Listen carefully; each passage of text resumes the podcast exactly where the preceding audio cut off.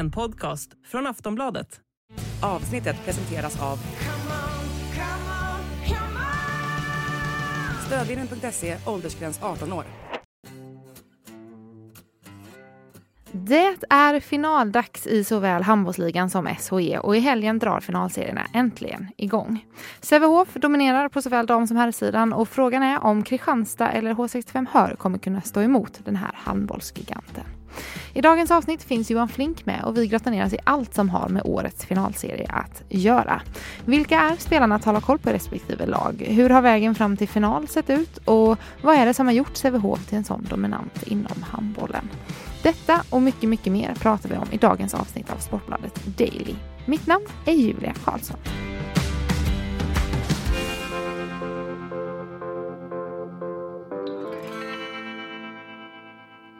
Johan Flink, det är finaldags i handbollen. Är det din bästa tid på året eller?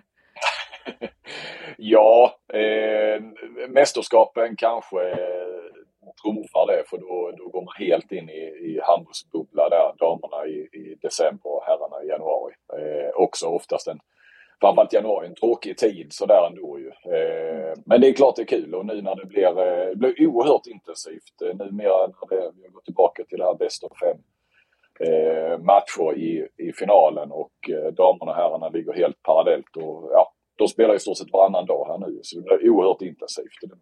Ja, det är kul när matchserierna spelas så eh, tätt.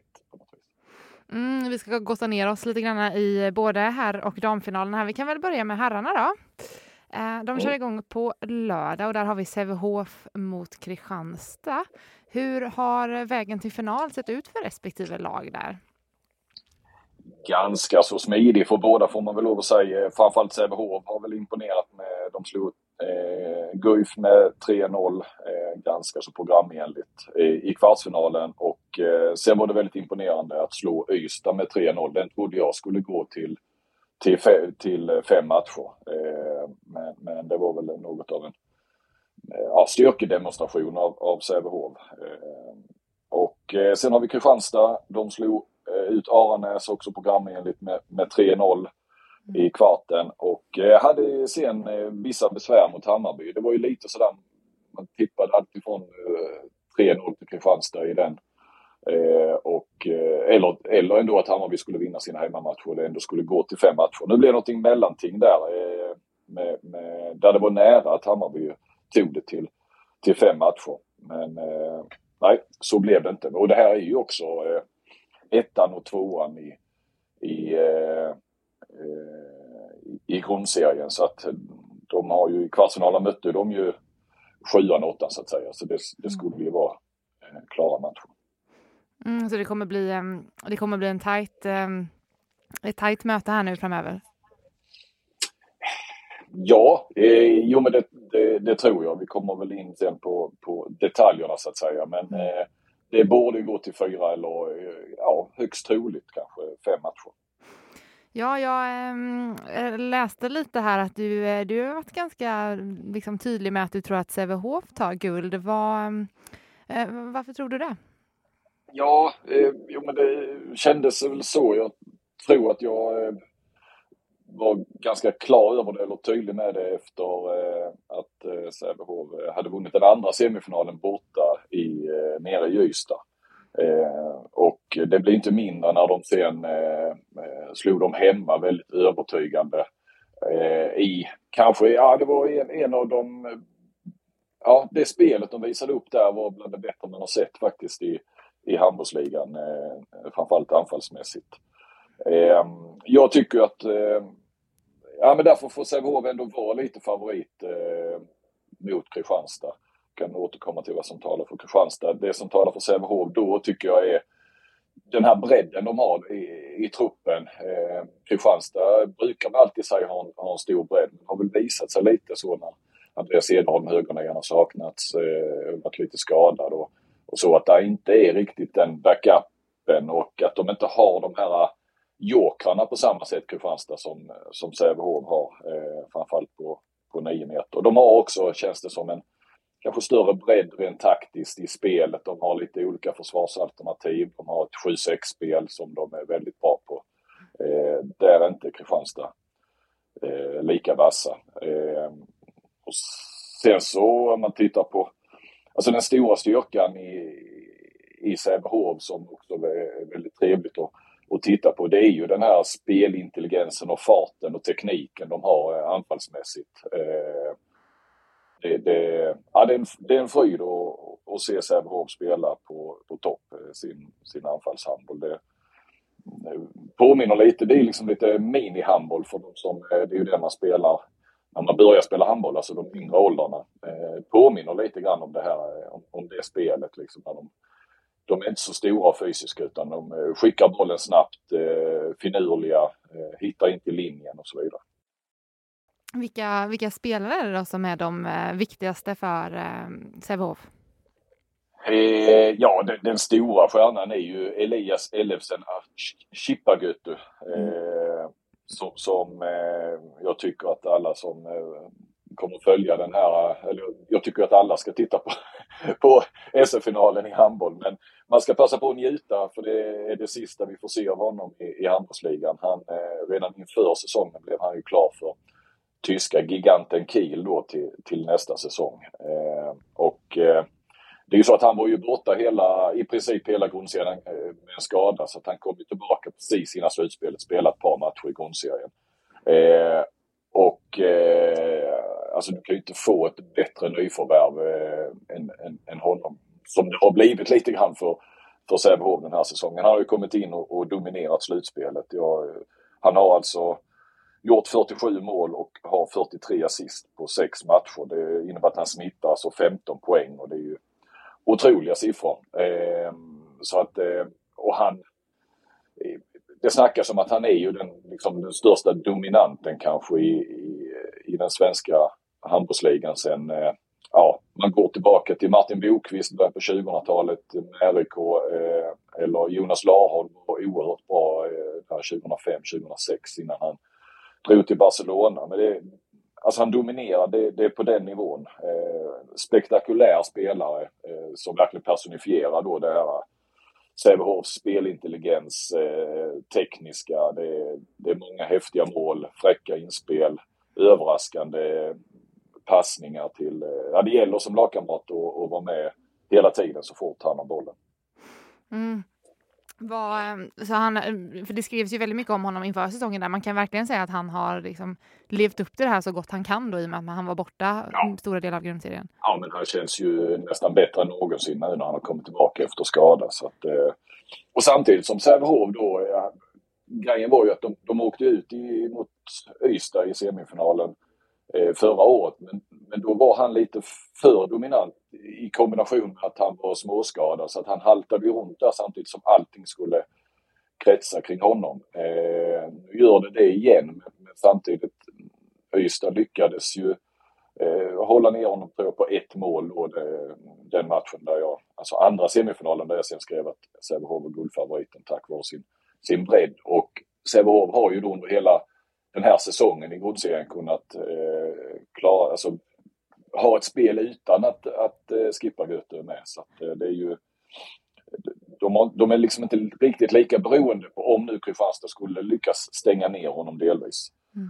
Eh, så att nej, han är verkligen värd den hype som, som finns kring honom. Och, sen, sen, det är ju den tydliga nyckelspelaren. Sen kan vi ju, jag tycker faktiskt vi ska, man ska lyfta Sebastian Karlsson på, på högerkanten. Det är inte så ofta kantspelare lyfts upp till nyckelspelare Eh, för de spelar på den positionen de spelar på. Men, men han, alltså han har en otroligt hög avslutsprocent. Den ligger på 88 procent eh, i slutspelet. Han har satt 32 av 36 skott. Han skjuter alltså mycket och gör otroligt mycket mål utan att det är några straffar inblandade. Han lägger inga straffar så det behöver man inte liksom ta in i den procentsiffran.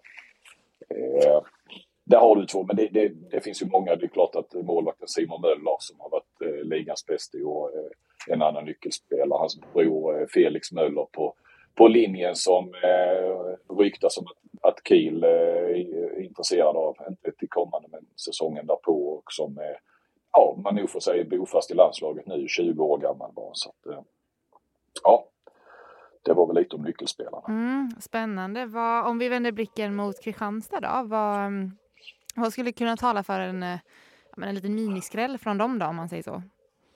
Ja, skräll ska vi kanske egentligen inte mm. prata om för att Kristianstad vann serien, de vann cupen. De, de är en stormakt sedan många år, haft några tuffa år där de inte har, har, har gått så långt i slutspelet. Men så så sätt så kommer det aldrig inom överskådlig tid vara en skräll att, att Kristianstad vinner. Mm. Eh, även om jag tycker, och det håller de flesta med om, att just nu så är Sävehof lite favorit. Det som framförallt talar för Kristianstad är väl eh, hemmaplanen. De har ju, eh, de har ju den fördelen. Eh, de börjar hemma och eh, har ju då eh, en fem, eventuell femte avgörande match hemma. Där Kristianstad-publiken skapar ju fantastisk, en fantastisk atmosfär i i Kristianstad Arena. Det var väl Thomas Axnér, damernas förbundskapten, han var i Lugi som, som döpte det till Colosseum. Eh, han var ju bra Axnér på, på den tiden, kan väl fortfarande vara, men de var lite frispråkiga på att sätta olika epitet. Eh, så, så det var ju när, när Kristianstad dominerade där för 5, 6, 7 år sedan. Eh, mer som talar för Kristianstad är väl att, att eh, de ska de behöver ju kunna få spela så fysiskt. Eh, det är ju mycket mer fysiskt lag. Eh, tufft försvar. Eh, kusinerna Henningsson där eh, i mittförsvaret eh, kan spela hårt och det är ju, handlar ju lite grann om domarna kommer tillåta det men det kommer de nog framförallt kanske Kristianstads del på hemmaplan med, med det trycket som också blir från, från publiken och så. så att, eh, ja, det är ju en riktig... Det här är ju de dominanterna på, på här sidan. Eh, de har ju vunnit, eh, alltså Kristianstad och Sävehof tillsammans, nio av de tolv senaste gulden. Sen har de faktiskt inte mötts i en final sen. Sen 2012 då vann Sävehof ganska klart, men då var de också någon klass bättre. På den. Det var ju då när Kristianstad var på väg uppåt och sen tog över. Men eh, nej, så det, det är de, de två bästa lagen. Eh, vad, mm, vad har Kristianstad i övrigt för eh, nyckelspelare och, och liksom styrkor i laget? Eh, nyckelspelare förstås Marcus Olsson på vänsternio. Eh, efter eh, är han väl ligans bästa spelare. Eh, jag hade honom som etta på min ranking eh, efter grundserien men då kunde man inte räkna in Chippagötter eftersom han hade spelat två eller tre matcher bara. Så han, han var ju utanför eh, där helt. Eh, tror också det är en nyckel för eh, eh Kristianstad att eh, Andreas Cederholm på högernio som har dragits med skadeproblem hela slutspelet, att han kan spela, han kommer inte kunna spela hela tiden, men att han kan spela mycket. Eh, han är viktig för dem. Eh, och sen som alltid, eh, alltså när, om man nu kan kalla Kristianstad en underdog. Men, men om nu Sävehof är lite favoriter så gäller det ju att målvaktsspelet i, i Kristianstad kommer upp på en hög nivå. Där är ju kanske framförallt norrmannen Espen Christensen, veteranen, eh, har ju en, en hög högsta nivå. Så kan han hitta den i, ja, helst flera matcher, men, men eh, i rätt matcher vid rätt tidpunkt så, eh, så kan det ju vippa över till Kristianstads fördel. Om vi eh, tar och blickar över mot damerna då, de kör igång på söndag. Eh, där har vi, ehm, ja men även där har vi Sävehof då, men här ställs de alltså mot H65 Hör. Vad, ehm, alltså Sävehofs damer, det känns som att de bara radar upp eh, segrar och diverse här. Vad, vad tror du, får vi se dem vinna i år igen? Ja, det är jag ganska övertygad om att vi, vi kommer att få göra. Det är ju en otrolig eh, dominans där som sagt. Eh, kolla det här lite. Det, det är ju så att de har ju... Eh, Skövde vann väl 2008 eh, och sedan dess har det ju då spelats 13 slutspel. Eh, det var ju pandemin spelades ju aldrig någonting 2020. Och eh, alltså det enda, det enda laget som har besegrat Sävehof i eh, en slutspel, alltså i en kvart, semi eller final så är det, så är det Hör. Och det har de gjort två gånger, i finalen 2017 och i semifinalen 2021. Eh, så att jag menar, tar, tar du 13 slutspel och så har du kvart, semi och final så är det ju liksom 39 matchserier eller då när det var en final. Och det, det har bara hänt två gånger att Sävehof har, har förlorat under den, eh, hela den tiden. Så att eh, nej, de är ju en, en gigant. Men som sagt, Hör är ju också de enda som har, mm. som har lyckats besegra dem under alla de här åren. Det är ju helt, eh, det är faktiskt helt absurt egentligen om man tittar på Sävehofs eh, historik. Alltså vad är det som, vad är det som gör Sävehof så bra? Det, alltså, tittar vi på damsidan så, så har de överlägset störst eh, resurser för det första. Eh, de, de eh, har en, alltså de tränar ju mest, kanske nog bäst apparat eh, kopplat till resurser då runt laget. Eh, de har också en helt eh, överlägsen eh, akademi. Ja, man ska säga Skuru gör det också bra på, på det viset men det kommer ju komma några, de vann JSM här nu Sävehof, det kommer, de är ju redan uppe, några av dem som Sveriges största talanger. Det kommer väldigt starka kullar här nu i, i Sävehof. För några år sedan tyckte de själva att det hade gått ner lite grann. Eh, eh kanske både på flick och pojksidan just eh, det här, de som skulle ta steget från junior till senior. Men, men nu, nu finns det, nu är de tillbaka där igen så att eh, de, de, de gör många saker bra. Ska vi titta på då hela Sävehof som, som eh, så eh, är det ju att, jag menar det är ju världens största handbollsförening på det viset mm. att de har flest spelare så att det finns ju en otrolig bredd då ju och då gäller det ju bara att få till den där ja, spetsen eller pyramiden på något sätt och, och det gör de ju också. De, jag tror också att eh, det finns en kontinuitet eh, även om visst det kan skifta lite. Det tränare, sportchefer och det har det gjort på senare år men, men där finns eh, Stefan Albrektsson är, eh, är ju då klubbdirektör och är ju liksom den starke mannen och har varit så under eh, decennier nu eh, som står för den stora kontinuiteten. Det, där finns en tydlig styr, styrning. Det finns bra tränare eh, ganska långt ner i åldrarna eller alltså på, på ungdomssidan. De har, de har råd att ha bra tränare där.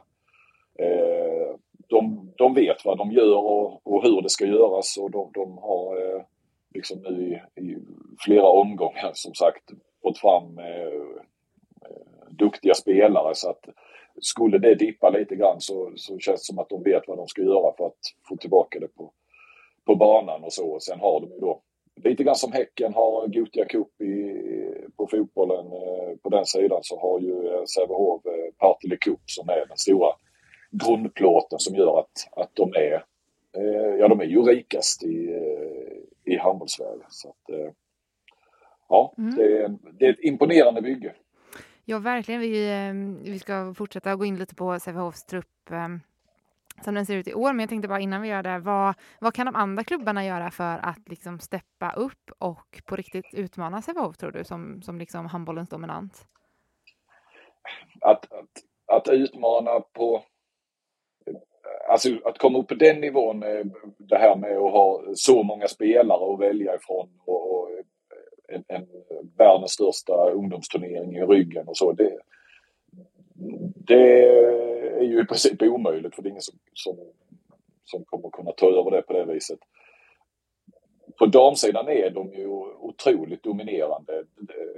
Men på herrsidan ska vi ju komma ihåg att, att där utmanas eh, man hela tiden egentligen eh, liksom, om, om guldet och, och det är inte mer än vad blir sex, sju år sedan kanske då, då Sävehof missade slutspel. Så att, eh, Eh, och nu går de in i en final som liten favorit så att säga. Så att, eh, på, på här sidan så eh, finns det ju, ja, där är de utmanade hela tiden på så sätt. Och vi hade Kristianstad som dominerade totalt eh, vad det blir mellan 2014 och 17 eller 18 eller något i den stilen. Och man trodde att man såg nästan inget slut på Kristianstads dominans i frågan om att, att eh, vinna, vinna serien och vinna slutspelet. Men eh, den dynastin följer också eh, till slut. Så att eh, Sävehof på här kommer alltid men, men damsidan har de ju lite grann segrat ihjäl eh, kanske serien.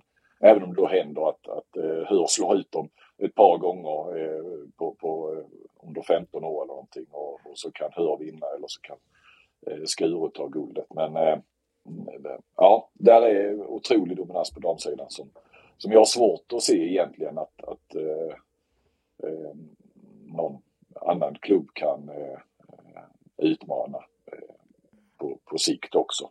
Eh, de har ju också, de har inte bara det att de får upp, eh, eh för de har varit otroliga på att få upp eh, egna talanger så, så kan de hitta guldkorn utomlands och nu har de ju också kanske på lite annat sätt börjat värva från konkurrenter eller ta ja, ta de här som Hör var ganska bra på under några år. Eh, eh, ungdomslandslagsspelare och sånt från, från andra klubbar. Men eh, Sävehof har slagit sig in lite grann där också. Eh, det man ser kanske att Önnered eh, har en del resurser också. De var framme i semifinal nu för första gången på många, många år. Eh, de är väl också inne där lite på det att tagit över kanske lite grann också från Hur att, att kunna värva just för att de har lite pengar medan eh, Hur har det tuffare ekonomiskt nu och, och, och Skure lever ju nästan helt på sina talanger. Men om vi tittar på Sävehofs resultat i år då, vad, hur har vägen till final sett ut för dem i år?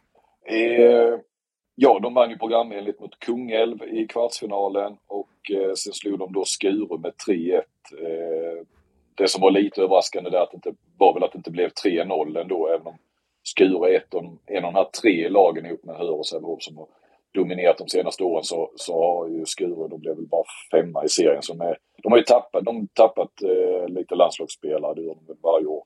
Eh, så de tog ju då faktiskt, eh, vann den tredje matchen eh, i Partille, alltså på Sävehofs eh, hemmaplan. Eh, men sen satte Sävehof ner foten eh, i Stockholm eh, i fjärde matchen och vann med 15 bollar. Så att, eh, det, ja, det är väl li, lite, lite överraskning att det inte blev 3-0, 3-0. Att, att, ja, eh, för Sävehofs del. Men eh, det har varit en enkel väg som man kunde förutspå. Mm. Vilka är de eh, viktigaste spelarna för dem? Ja, de har ju många. De har ju liksom, mer eller mindre landslagsspelare på, på varje position. Johanna Bunsen i mål. Frida Rosell, vänsternio, som kanske var den bästa spelaren i, i grundserien. Eh, Johanna Forsberg har varit eh, mycket bra som, som mittsexa, alltså linjen. Eh, vi har Nina Kopang på högernie, landslagsspelare. Eh, den största stjärnan om du skulle fråga i Europa eller handbollsvärlden vilken som är Sävehofs största stjärna så är det väl Carmen Martin, eh, spanska veteranen som kom till den här säsongen men eh, hon har ju inte spelat så mycket nu här i slutspelet. Eh, men då finns det backup där. Så att, eh, eh, Martin är väl det största namnet men, hon har ju inte varit en nyckelspelare på det viset i Sävehof. Om vi tittar på Hör då, vad tror du kan de, alltså hur ska de lyckas stoppa Sävehof? Lite grann som kanske Kristianstad ska stoppa Sävehof på här sidan att, att, eh, att, att de får spela sitt eh, tuffa försvarsspel. Eh, Hör drar ju på sig lite fler utvisningar. Eh, ja, eh, Sävehof drar ju knappt på sig några eh, om man tittar rent statistiskt. Men det har de inte behövt göra för de har varit så överlägsna i spelet på något vis. Så, eh,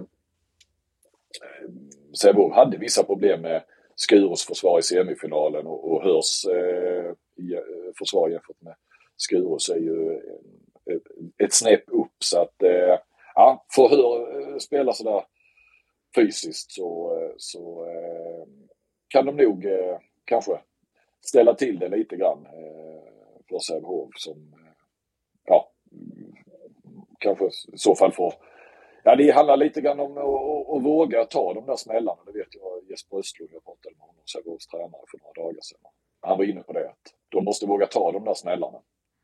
Det har de kanske inte behövt göra i 90 procent av matcherna eh, för ingen spelar så fysiskt som, som Hör. Vilka måste, eller vilka är Hörs eh, största stjärnor liksom? Vilka, måste, vilka kliver fram? Ja, men som jag var inne på lite på, på herrfinalen där, eh, underdogen, där Hör en ännu större underdog eh, såklart än, än vad Kristianstad är på herrsidan, så är det ju då målvaktsspelet. Eh, Gry Bergedal i, i Hörs mål, kan hon eh, få några fullträffar så, så eh, eller det kommer nog krävas om, om Hör ska göra matchen här. Eh, Isabel Andersson är väl deras bästa spelare, eh, vänsternia. Eh, kanske hela slutspelets bästa spelare eh, den här våren. Eh, så det gäller väl att hon eh, kan, kan hålla den formen om vi ska titta på, på enskilda spelare. Högersexan Ida Gullberg där är, är, gör väldigt många mål också. Men eh, det är lite så, kantspelare är lite svårare att lyfta fram dem som, som bärande spelare. Mm, 2019 eh, tog ju både Sävehof dam och herr guld. Tror du att eh, efter vi har pratat igenom allt det här nu, tror du att det blir en, en dubbel igen för Sävehof? Ja, det, det tror jag. Eh, och det leder väl hela det här resonemanget vi har haft nu fram till att, eh, att det blir så. Eh, damerna kommer ju, annars skulle det vara en jätteskräll om inte Sävehofs damer vinner den här finalen. Herrarna bör få det tuffare men, men jag står fast vid att de är, är favoriter så att ja, jag tror att det blir dubbla guld till Sävehof. Mm, vi får se. Det blir spännande att se nu när det drar igång i helgen. Tack till dig Johan Flink för att du vill vara med i dagens Sportbladet Daily. Tack, tack. Du har lyssnat på en podcast från Aftonbladet. Ansvarig utgivare är Lena K Samuelsson.